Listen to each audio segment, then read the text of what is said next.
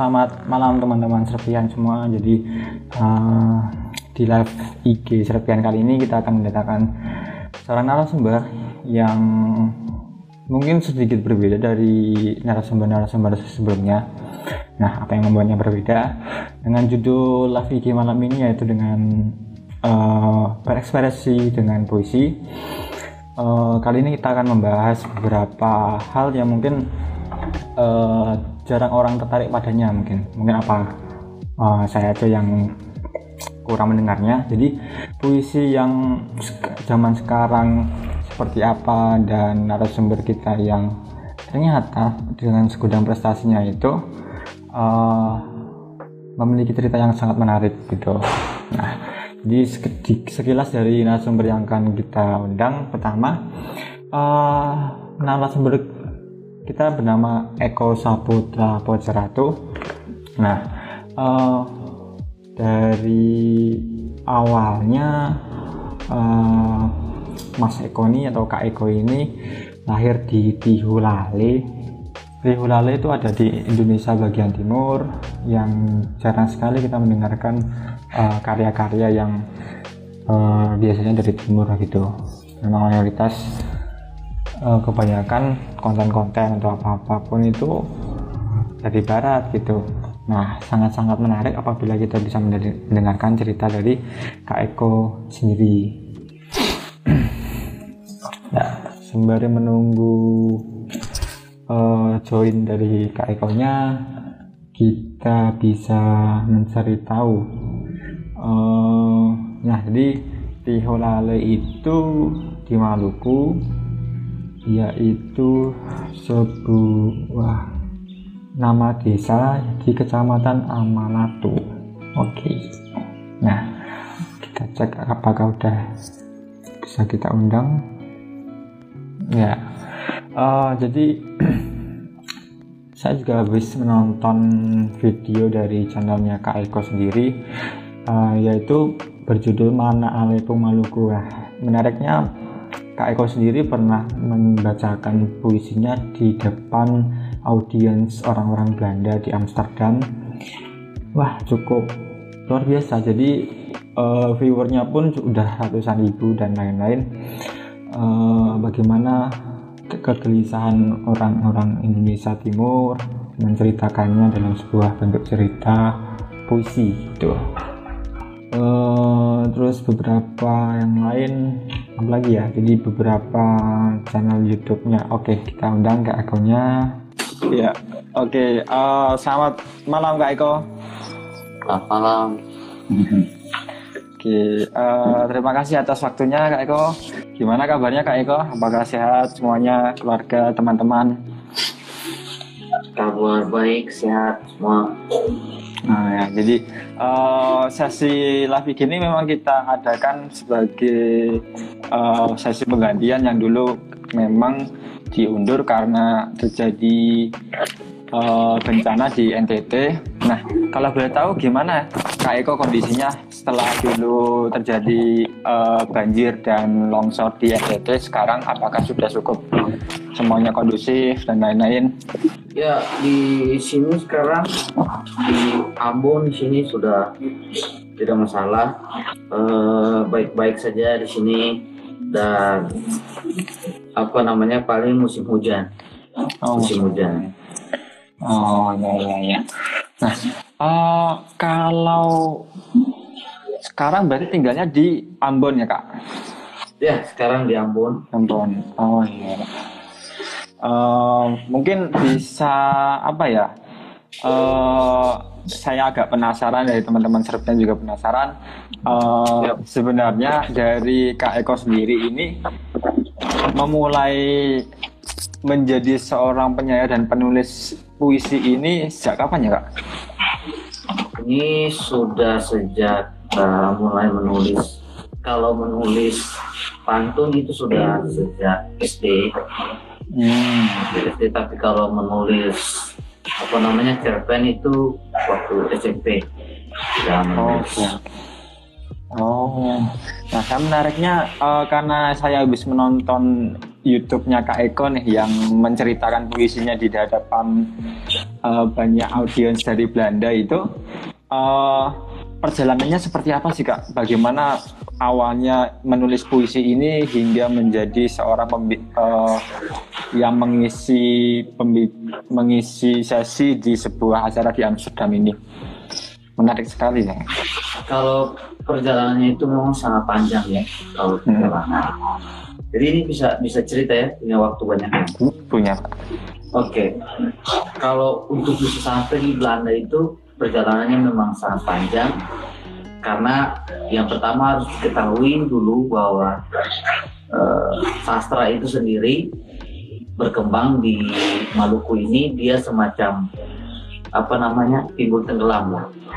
Hmm. Jadi dia tidak seperti Jakarta, dia tidak seperti Makassar. Betapa orang begitu mencintai buku, orang bisa membeli buku untuk baca. Tetapi di sini untuk uh, para penulis sendiri misalnya yang lahir itu tidak banyak. Hmm. Budaya kita ini sendiri di Maluku adalah budaya lisan kebanyakan. Jadi dari dulu kemampuan tutur bertutur itu sudah dari leluhur lah. Jadi tidak menulis apa-apa sejarah-sejarah yang ada itu tidak dicatat yaitu yang biasanya nyatat sejarah kita itu Belanda, Jerman, tentara-tentara yang bertugas di zaman kolonial, misalnya zaman perang dunia, misalnya. Terus nanti orang-orang dari Jakarta datang untuk menulis. Ini orang luar lah. Nah penulis di yang beta tahu uh, penulis tua dari Maluku itu karya sastra tua itu adalah hikayat tanah itu yang ada di Maluku di Pulau Ambon sini. Kemudian uh, seterusnya ada penulis-penulis lain semacam William Charanemua, William Charanemua. Lalu kemudian nanti ada Lucas Suerata, salah satu penulis yang karyanya sekarang itu ada di Amazon. Uh, judulnya Cinta dan Kewajiban. Nah, Lucas Suerata kemudian nanti ada Rudy Fovit di zaman uh, sekarang, Dino Umau dan lain-lain itu adalah para senior kita perlu sampaikan ini sebab ini bagian dari uh, sastra Maluku begitu dan uh, beta sendiri itu kenal dengan puisi ini itu sudah dari SD waktu di kampung beta kampungnya Tihulale itu salah satu negeri yang ada di Pulau Seram atau dikenal dengan Pulau Nusa Inah Pulau Ibu itu pulau ibu dari Maluku. Jadi semua suku tuh uh, datang dari situ yang dikenal dengan uh. Ada sejarahnya. Nah dari situ beta sekolah dan belajar tentang patung. Kebetulan kalau di agama kita Kristen itu ada namanya uh, Bapak Baptis.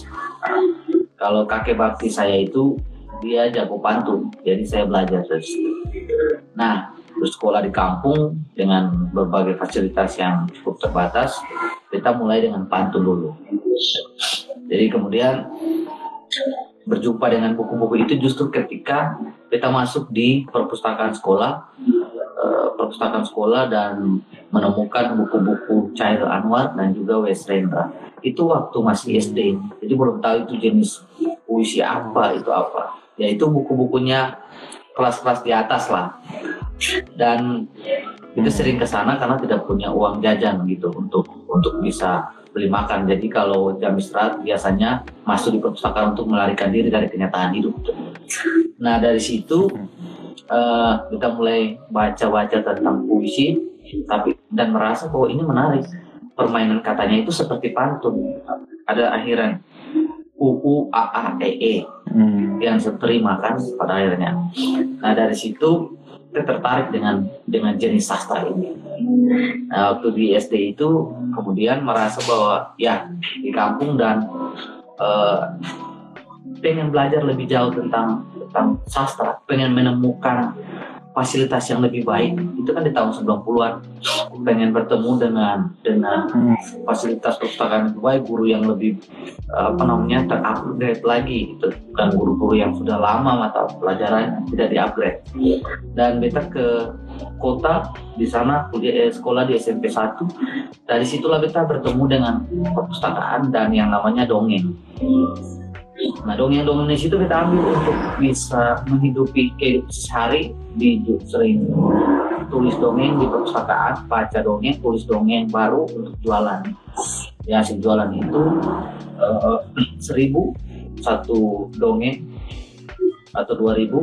Itu kita cari langganan di apa namanya berbagai kelas lalu dijual untuk memenuhi kebutuhan jajan hmm. dan tabung. Nah, kebiasaan menulis waktu itu tuh dasarnya ekonomi ya, ekonomi. Karena kebutuhan ekonomi yang mendasar. Nah, dari SMA dia masih sama, kita masih menulis untuk ekonomi, untuk kebutuhan hidup. Nah, dia berubah ketika pada akhirnya peringatan konflik 99 di Perdamaian Ambon. Situ uh, pertama kalinya kita membacakan puisi tema damai, judulnya damai juga. Dan kita bertemu dengan salah satu guru sastra di Maluku yaitu Rudi Fopit kalau kakak kenal. Rudi Fopit adalah sastrawan senior jurnalisme senior dan yang mengajarkan beta untuk uh, kalau tertarik dengan sastra datang di kelas. Kelasnya itu di lapangan Merdeka salah satu taman di kota Ambon. Dan di situ kita belajar untuk mengenal puisi nah itu awalnya untuk uh, apa namanya mengenal puisi secara lebih mendalam dari situ. Dari situ akhirnya uh, berjalan di beberapa kampung-kampung di pulau-pulau di Maluku bergabung dengan komunitas dan yayasan untuk berjalan mengajarkan tentang cara menulis puisi. Jadi kelas-kelas puisi itu kami bawakan di desa-desa tempat kami datangi.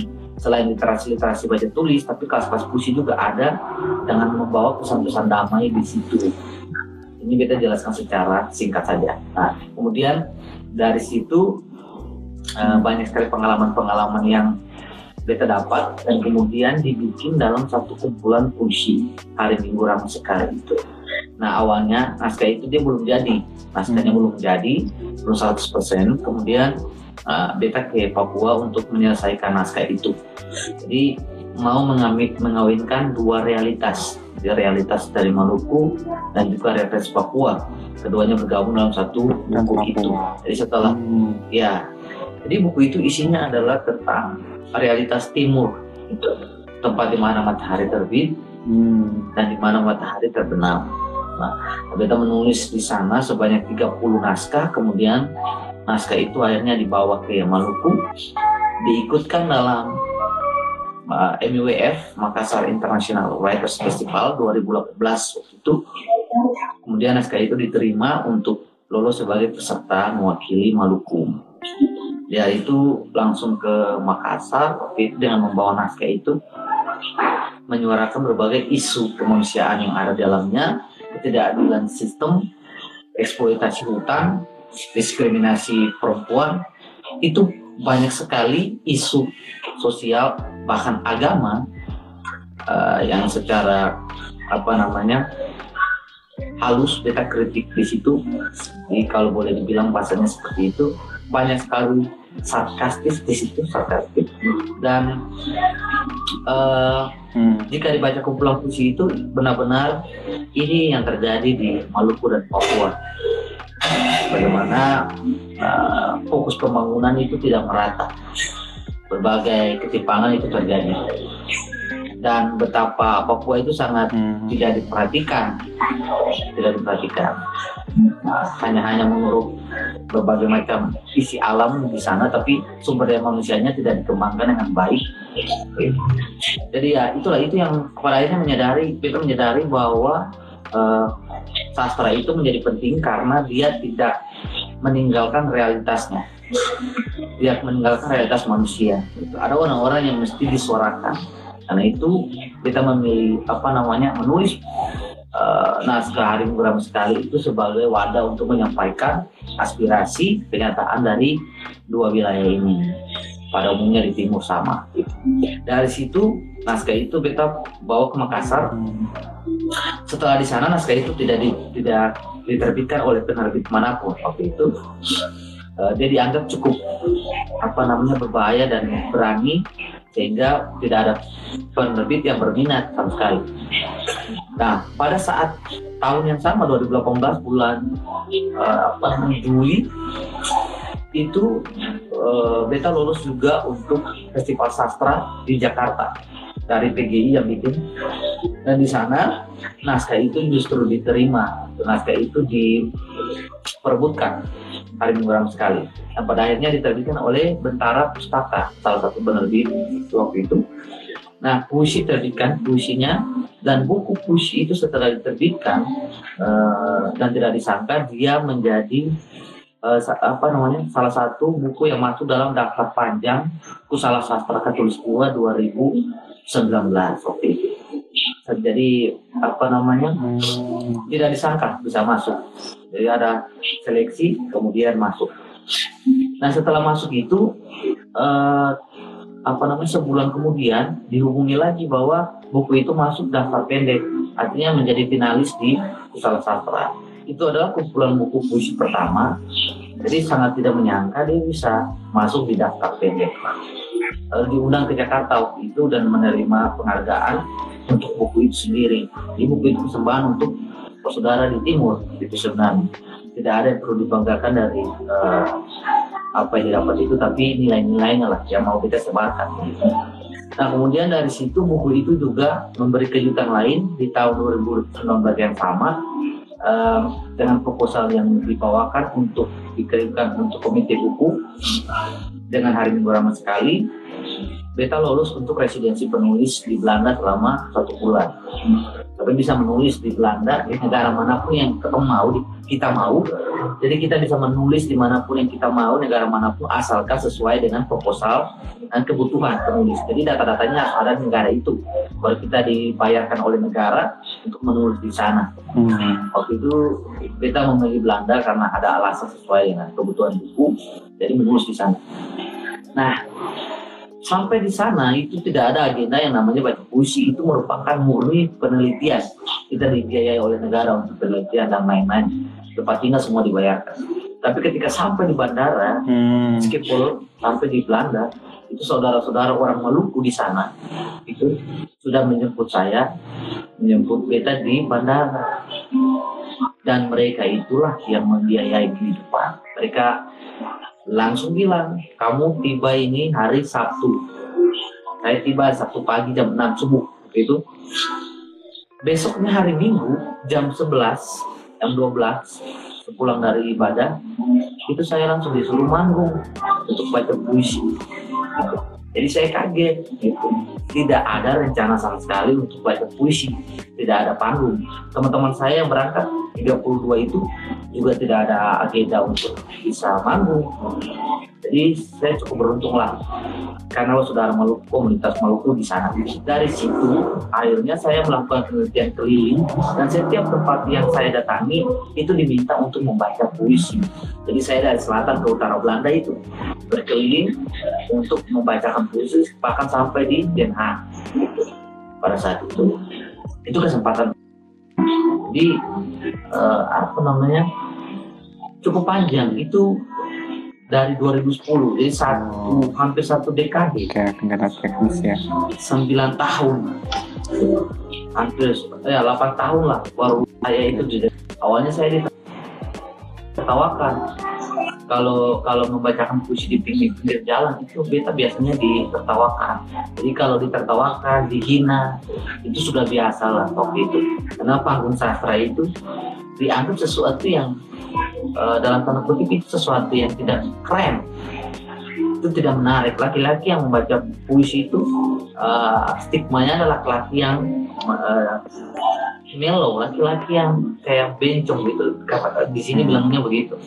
Di mau merubah cara pandang itu mindset orang-orang terhadap puisi. Puisi itu bukan tidak usah didiskriminasi. Puisi itu tidak perlu dikasih gender dia itu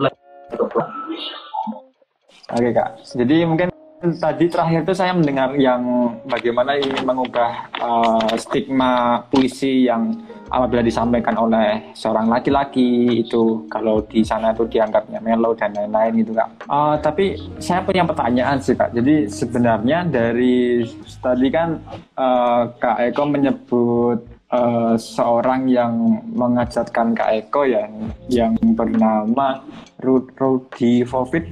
Iya, Rudy Fovit ya ah uh, dari sa dari uh, di Fawit ini terus apakah kemudian Kak Eko ini langsung mempelajari secara apa ya uh, mendalam apakah diberikan seperti apakah uh, pembelajaran yang Kak Eko alami gitu di bawah naungan Kak Oh ya. Rudi Nah itu ya. Itu dilatih, dilatih, dilatih secara khusus lah.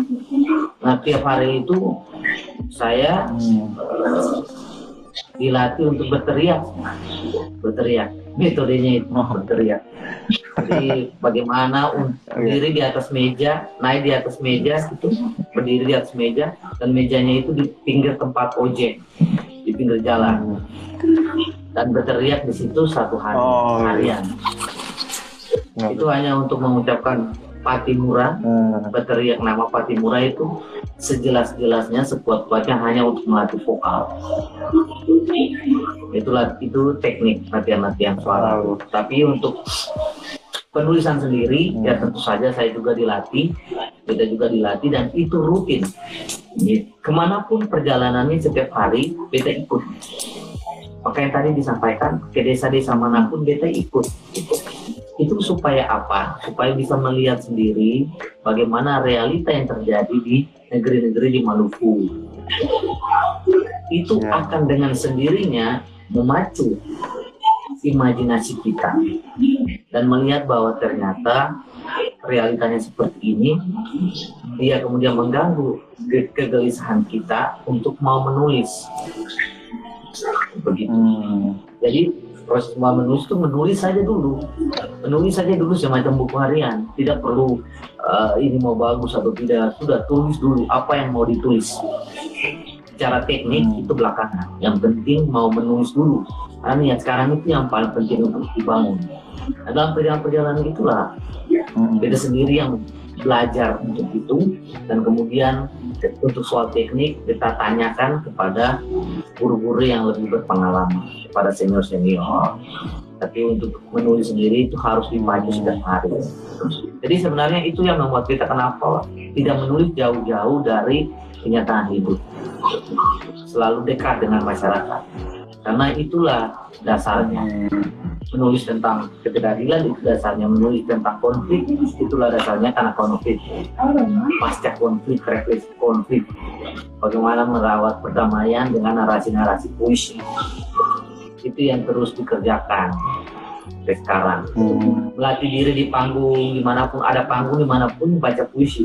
Mau panggung itu di pinggir jalan kah? Mau panggung itu di apa namanya rumah adat di negeri kah? Mau itu di pantai kah? Di jalan di mana pun. Gereja rumah-rumah ibadah di komunitas muslim. Di kita membaca puisi keliling. Jadi tidak pandang itu. Sekat-sekat budaya itu tidak peduli. Sekat agama itu tidak ada. Ini sastra dia masuk menyerap apa namanya? Uh, menyebar ke mana pun. Dia menembus segala batasan. Tidak ada masalah uh, mungkin itu kan hmm. Iya, iya, sangat sangat uh, pengalamannya emang sebenarnya menarik sekali kalau ceritakan apa yang seperti tadi kan uh, belajar teknik-tekniknya terus bagaimana mencoba menulis dipaksakan dari lingkungan-lingkungan sekitar. Nah, tapi untuk sekarang uh, kami ada pertanyaan kak. Sebenarnya tokoh figur siapa yang menginspirasi paling kuat mungkin ya untuk kak Eko terus menulis ini? Ya, oke. Okay. Uh, eh, selain dari COVID ya, uh, sebagai guru awalnya, yang yang paling apa namanya berpengaruh juga untuk uh, perjalanan penulisan saya adalah Widi Tukul. Widi Tukul, Wes Rendra dan juga Pramudia. Nah, buku-buku oh, mereka, karya-karya ya? mereka, iya benar sekali. Uh, karya-karya mereka inilah orang-orang hebat inilah yang selalu uh, menginspirasi saya dalam penulisan-penulisan mereka adalah orang-orang yang datang dengan sastra ya sastra rakyat. Orang-orang yang menyuarakan keadilan. Uh, Pramudia adalah karangannya sebagai pengarang dia menulis buku-buku yang luar biasa. Bahkan penghasilannya di Buru dan Buru itu ada di Maluku. Dia menuliskan Maluku dalam masa pemerintahan Soeharto seperti apa dia memperkenalkan dan sudah ada banyak warisannya diburu dan uh, anehnya banyak orang Maluku banyak generasi Maluku sendiri bahkan orang buru yang tidak mengenal seorang Pramudia Anantatur ada kontribusinya luar biasa karena apa? Memang uh, budaya baca kita di sini itu miris lah. Nah begitu cool Rendra itu Widi Tukul sendiri itu suatu hari saya dikirim apa namanya sebuah uh, berita Kompas yang ditulis tentang kisah pembunuhan apa namanya Widi Tukul penculikan itu oleh senior saya Murika Teteleta pendeta dan penulis juga musisi. Dia mengirimkan itu untuk dibaca. Itu sangat menggelisahkan Deta mengenal seorang Widi Tukul dan juga uh, membongkar banyak hal tentang uh, berita-berita uh, tentang masa-masa Orde Baru itu sendiri reformasi dan dari situ menemukan banyak hal bahwa ternyata memang sangat relevan dengan kehidupan kita juga saat ini. Bahwa puisi digunakan sebagai media untuk mengkritik media untuk melawan media untuk menyampaikan aspirasi dan itu sangat cocok. Hmm. sama dengan Wes Rendra juga. Puisi-puisinya tidak jauh. Dia membicarakan Tuhan dalam karya-karyanya membicarakan politik dalam karya kekuasaan dalam karyanya dan tidak meninggalkan tanah. Dia tidak meninggalkan masyarakat juga. Jadi kebanyakan orang-orang seperti itulah yang menjadi rujukan beta dalam uh, menulis. Nah, mereka selalu seolah-olah menjadi pengingat begitu bahwa jangan terbuai dengan rembulan bahwa kita harus melihat kenyataan yang ada Oh, Oke. Okay. Paling mereka-mereka itu. Oh. Siap, siap. Uh, kalau untuk menulisnya nih, kalau uh, saya penasaran ya kak, uh, pastinya kan menulis itu bahasa itu menjadi sebuah sarana untuk uh, pengetahuan yang kita ketahui dan dituliskan dengan bahasa yang kita memang mengerti gitu. Nah, pertanyaannya lebih ke uh, otomatis kalau kita ingin menulis uh, berbagai pengetahuan yang ada itu harus kita cerna, pahami dan terus cari. Nah, berhubungannya dengan puisi kan erat kaitannya dengan ilmu-ilmu yang sosiologi, filosofi, dan lain-lain. Nah, untuk ilmu-ilmu seperti ini otomatis perlu sangat-sangat perlu untuk didalami. Nah, bagaimana untuk Kak Eko sendiri uh, sebenarnya sebagai orang yang uh, mengerti bahasa ini, tetapi kan otomatis juga terus menerus mengisi pengetahuan-pengetahuan yang ada dan terus up to date dan lain-lain gitu. Iya, untuk bacaan-bacaan sendiri, pertama itu itu kuliahnya filsafat. Jadi hmm, segala hal tentang filsafat ilmu barat, tentang Plato, Nietzsche dan lain-lain itu, itu sudah menjadi makanan kita sehari-hari lah selama di kampus. Dan di filsafat juga kita belajar tentang ilmu menafsir manusia, psikologi, sosiologi, semuanya kita pelajari jadi memang itu sangat membantu beta dalam proses pengerjaan karya di masa kini. Nah, awalnya berpikir bahwa uh, jurusan ini tidak sesuai, tidak tepat, tidak tepat. Tapi ternyata hmm. tidak sia-sia. Filsafat itu ternyata kekuatannya adalah uh, selain ilmu dia kuat dalam menafsir dan juga refleksi sehingga puisi-puisi itu juga menjadi akhirnya menjadi bagian dari refleksi kehidupan dia nyambung dia mem mem membuat uh, cara menafsir kita menjadi lebih tajam dan bagaimana cara mendialogkan teks dan konteks itu agar bisa diserap dan dicerna oleh masyarakat dengan bahasa yang juga dekat dengan masyarakat tanpa meninggalkan budaya alias bahasa kita juga. Jadi buku-buku yang saya baca itu semuanya bermanfaat. Saya e, jarang mengkonsumsi apa namanya eh, buku-buku apa buku-buku psikologi, sosiologi dan lain-lain yang yang pokoknya yang lebih banyak lah baca ada tapi tidak tidak mengkonsumsi lebih banyak karena saya lebih menggunakan pendekatan pergaulan kekerabatan kekeluargaan dan budaya yang ada di Maluku karena hmm. buku yang sebenarnya juga kan adalah manusia jadi membaca sesama kita adalah buku itu sendiri jadi lebih banyak membaca manusia, tapi juga membaca buku itu akan membantu untuk lebih menajamkan apa namanya ketajaman indera kita, ketajaman imajinasi kita, dan menambah segala macam hal tentang pengalaman. Buku. Uh, ngomong-ngomong tentang buku nih kak, jadi sampai sekarang ini uh, Kak Eko sendiri sudah menerbitkan berapa buku? Mungkin kalau bisa uh, kita bahas sedikit dan uh, dari setiap buku yang ditulis itu pengalamannya seperti apa sih? Apakah semuanya lancar-lancar aja atau ada pernah mentok nggak bisa nulis berapa bulan gitu? Iya, ini menarik kita sejauh ini sudah lima buku yang dicetak terakhir baru kemarin bulan Mei oh bulan ini berarti bulan April bulan ini oh. Bulan April dia terbit. Uh, lima buku ini punya kisah yang beda-beda.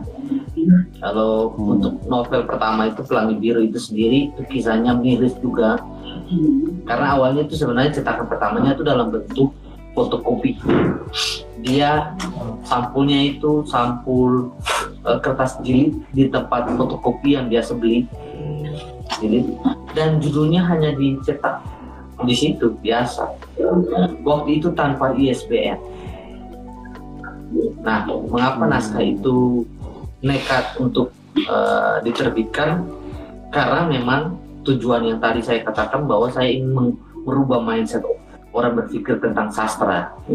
Kalau kita terlalu lama untuk menunggu, dan tidak bergerak untuk membuktikan sesuatu karena di Maluku sini kalau ada satu orang yang bikin yang lain baru berani bikin. Jadi harus jadi contoh dulu. Hmm.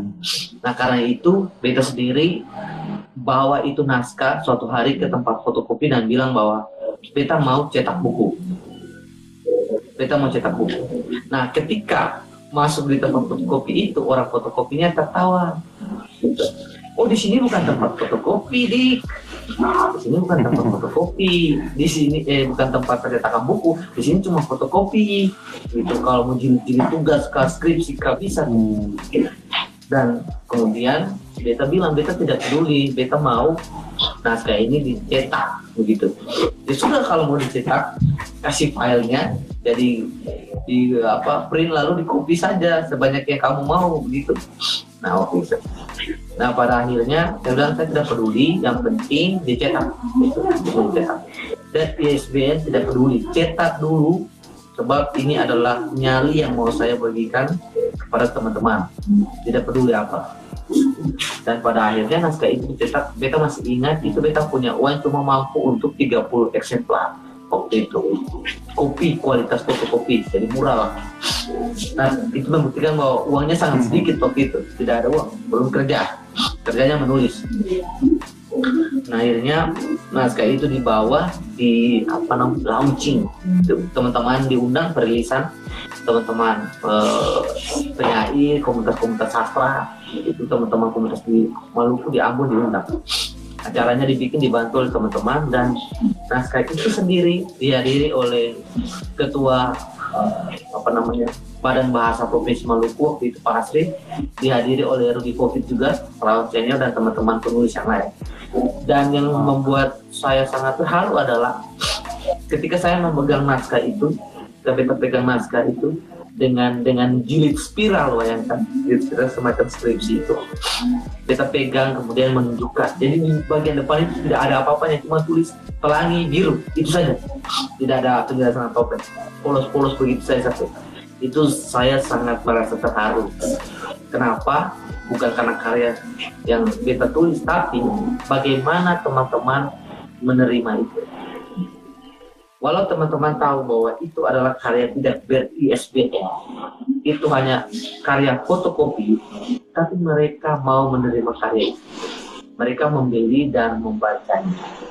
Jadi 30 eksemplar hari itu langsung habis. Gitu.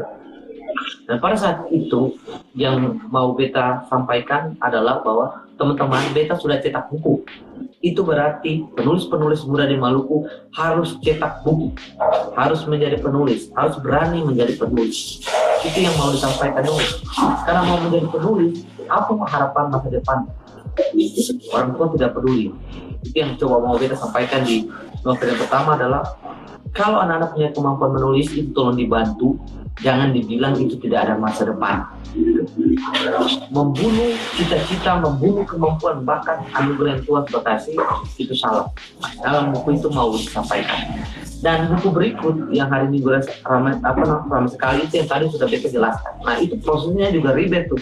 Tadi kita bilang itu naskah itu kan ditolak di mana-mana karena dianggap sangat berbahaya.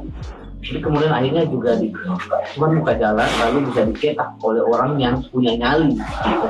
Yang berani. Nah, itu kan resikonya tinggi. Hmm. mengganggu ketenangan para pemimpin lah gitu. buku itu juga banyak kesulitannya. Tetapi ketika uh, dari proses menulisnya bayangkan itu juga beta harus tinggal di Papua selama 8 bulan. Itu bekerja di pabrik kayu selama 8 bulan agar bisa interview dengan para pekerja langsung melihat secara langsung bagaimana keadaan di sana.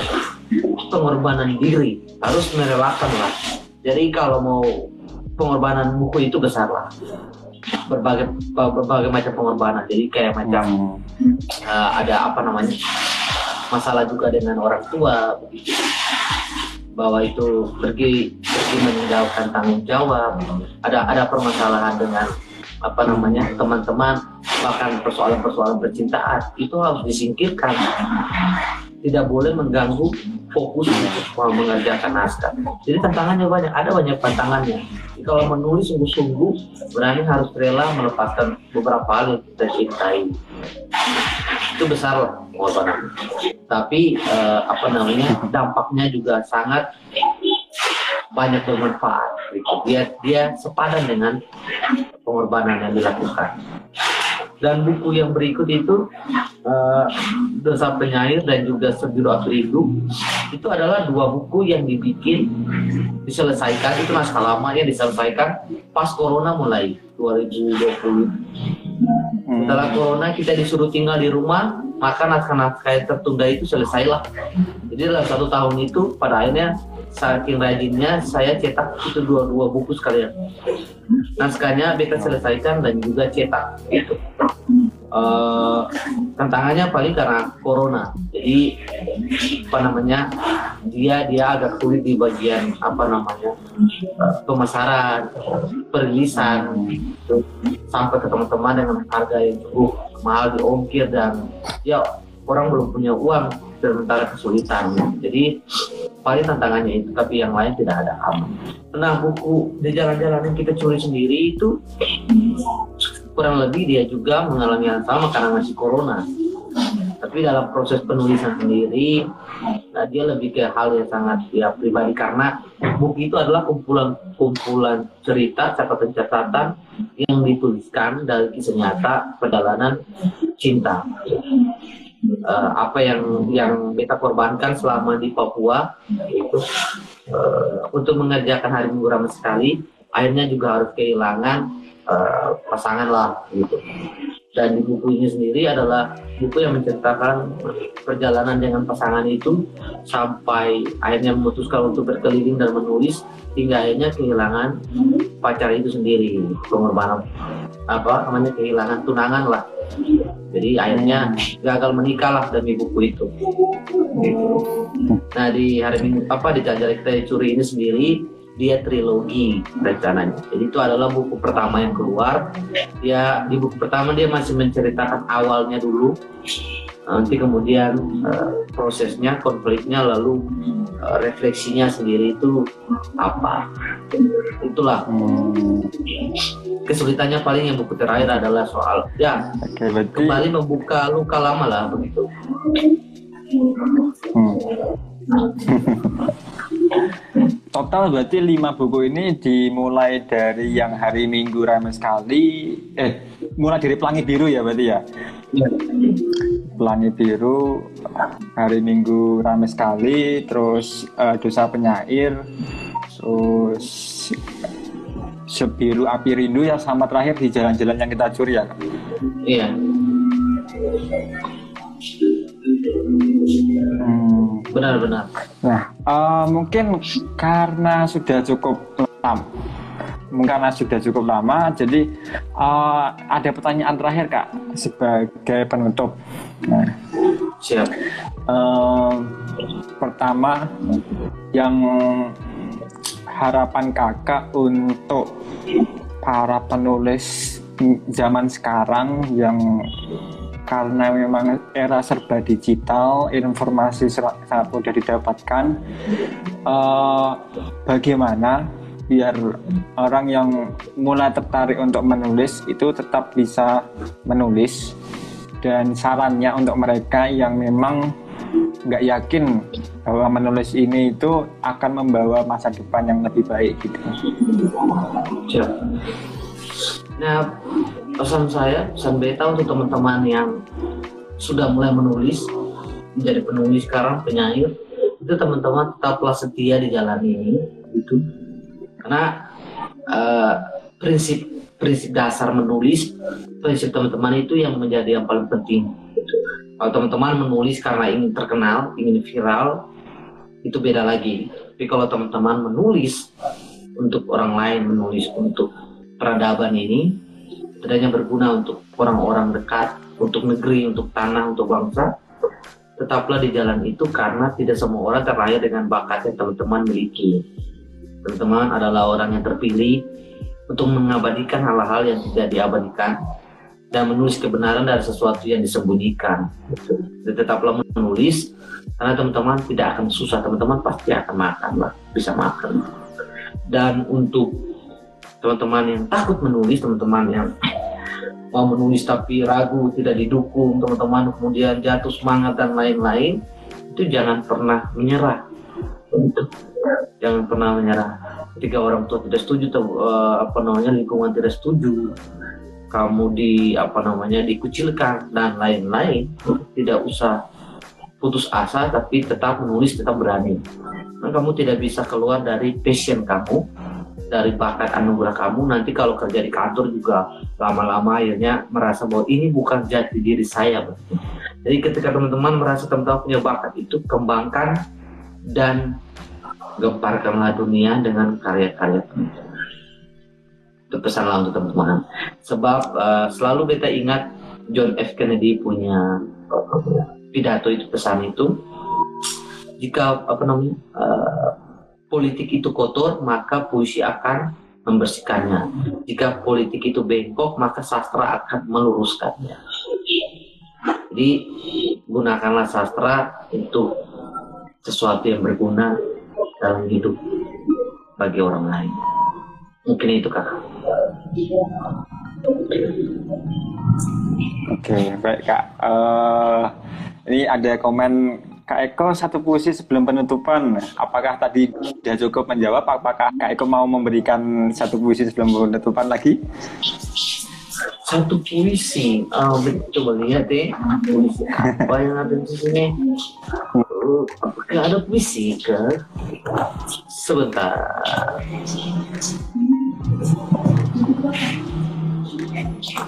Siapa itu? Siapa yang minta? Siapa namanya?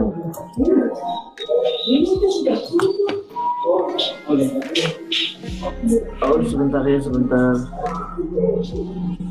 Dicek ya. dulu, dicek dulu. Ya, jadi sebelum penutupan menarik sekali. Dicek dulu ya teman-teman.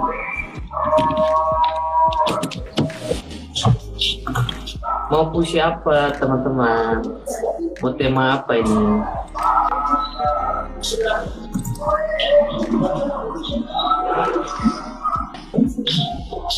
Tema cinta. Hmm. Tema cinta, cinta, cinta terus. oh, karena terlalu lama di komputer. Coba lihat di sini. Oh iya iya iya iya. Nah ini ada beberapa penggalan-penggalan puisi ya. Saya baca. Ah. Oke. Ini ada beberapa penggalannya teman-teman, teman-teman. Iya, tema-tema ini, tema kalian, tema-tema cinta ini.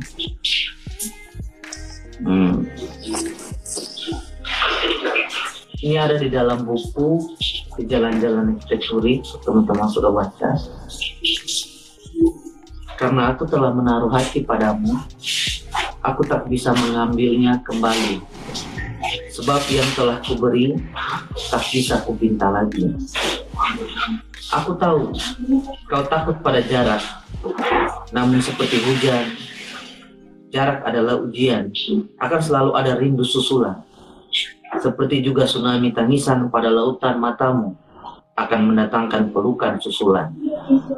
Waktu selalu adu pukul, pukul satu, pukul dua, tetap tidak pernah berhenti berjalan maju Dada kita saling pukul, luka, namun itulah petanda cinta tetap hidup dan bergairah. Bila nanti kau rasakan haus tak tertahankan, minumlah kangen secukupnya. Jika nanti kau rasai lapar tak tertahankan, telanlah air mata secukupnya. Jangan biarkan jiwamu remuk oleh siksaan kesementaraan jarak. Jarak tentu berbuah rindu dan itu penyakit tetapi daunnya mengandung percaya dan itu bisa mengobati segala yang sakit. Karena aku telah menaruh percaya padamu, aku tak boleh meragukanmu lagi, sebab yang telah aku imani akan selalu menjadi yang aku amini. Sebab yang telah aku jadikan kekasih akan menjadi hak asasi hatiku sendiri. Masa lalu bisa dimanipulasi oleh engkau sendiri di masa depan, tetapi kenangan yang termuat di sana tetap saja asli hingga kau sanggup mengubahnya menjadi kekuatan. Berhentilah takut, sebab cinta hanyalah milik pemberani. Itu mungkin. Terima kasih. Oke, wah, keren nih. Jadi, terima kasih Kak Eko atas waktunya, atas ilmu-ilmunya, atas semua pengalaman yang sudah diceritakan. Jadi harapannya kita semua sebagai orang yang uh, berbahasa dapat menggunakan bahasa itu menjadi sebuah sarana yang lebih dapat membawa kebaikan, membawa kebermanfaatan gitu. Baik, gitu aja Kak Eko. Terima kasih uh, waktunya. Sama-sama. Uh, selamat malam dan selamat istirahat. Terima kasih kepada Serpihan dan seluruh ya. timnya. Salam untuk semua dan terima kasih juga untuk seluruh teman-teman yang sudah masuk mendengarkan cerita-cerita ini. Salam hormat dari Ambon, Maluku.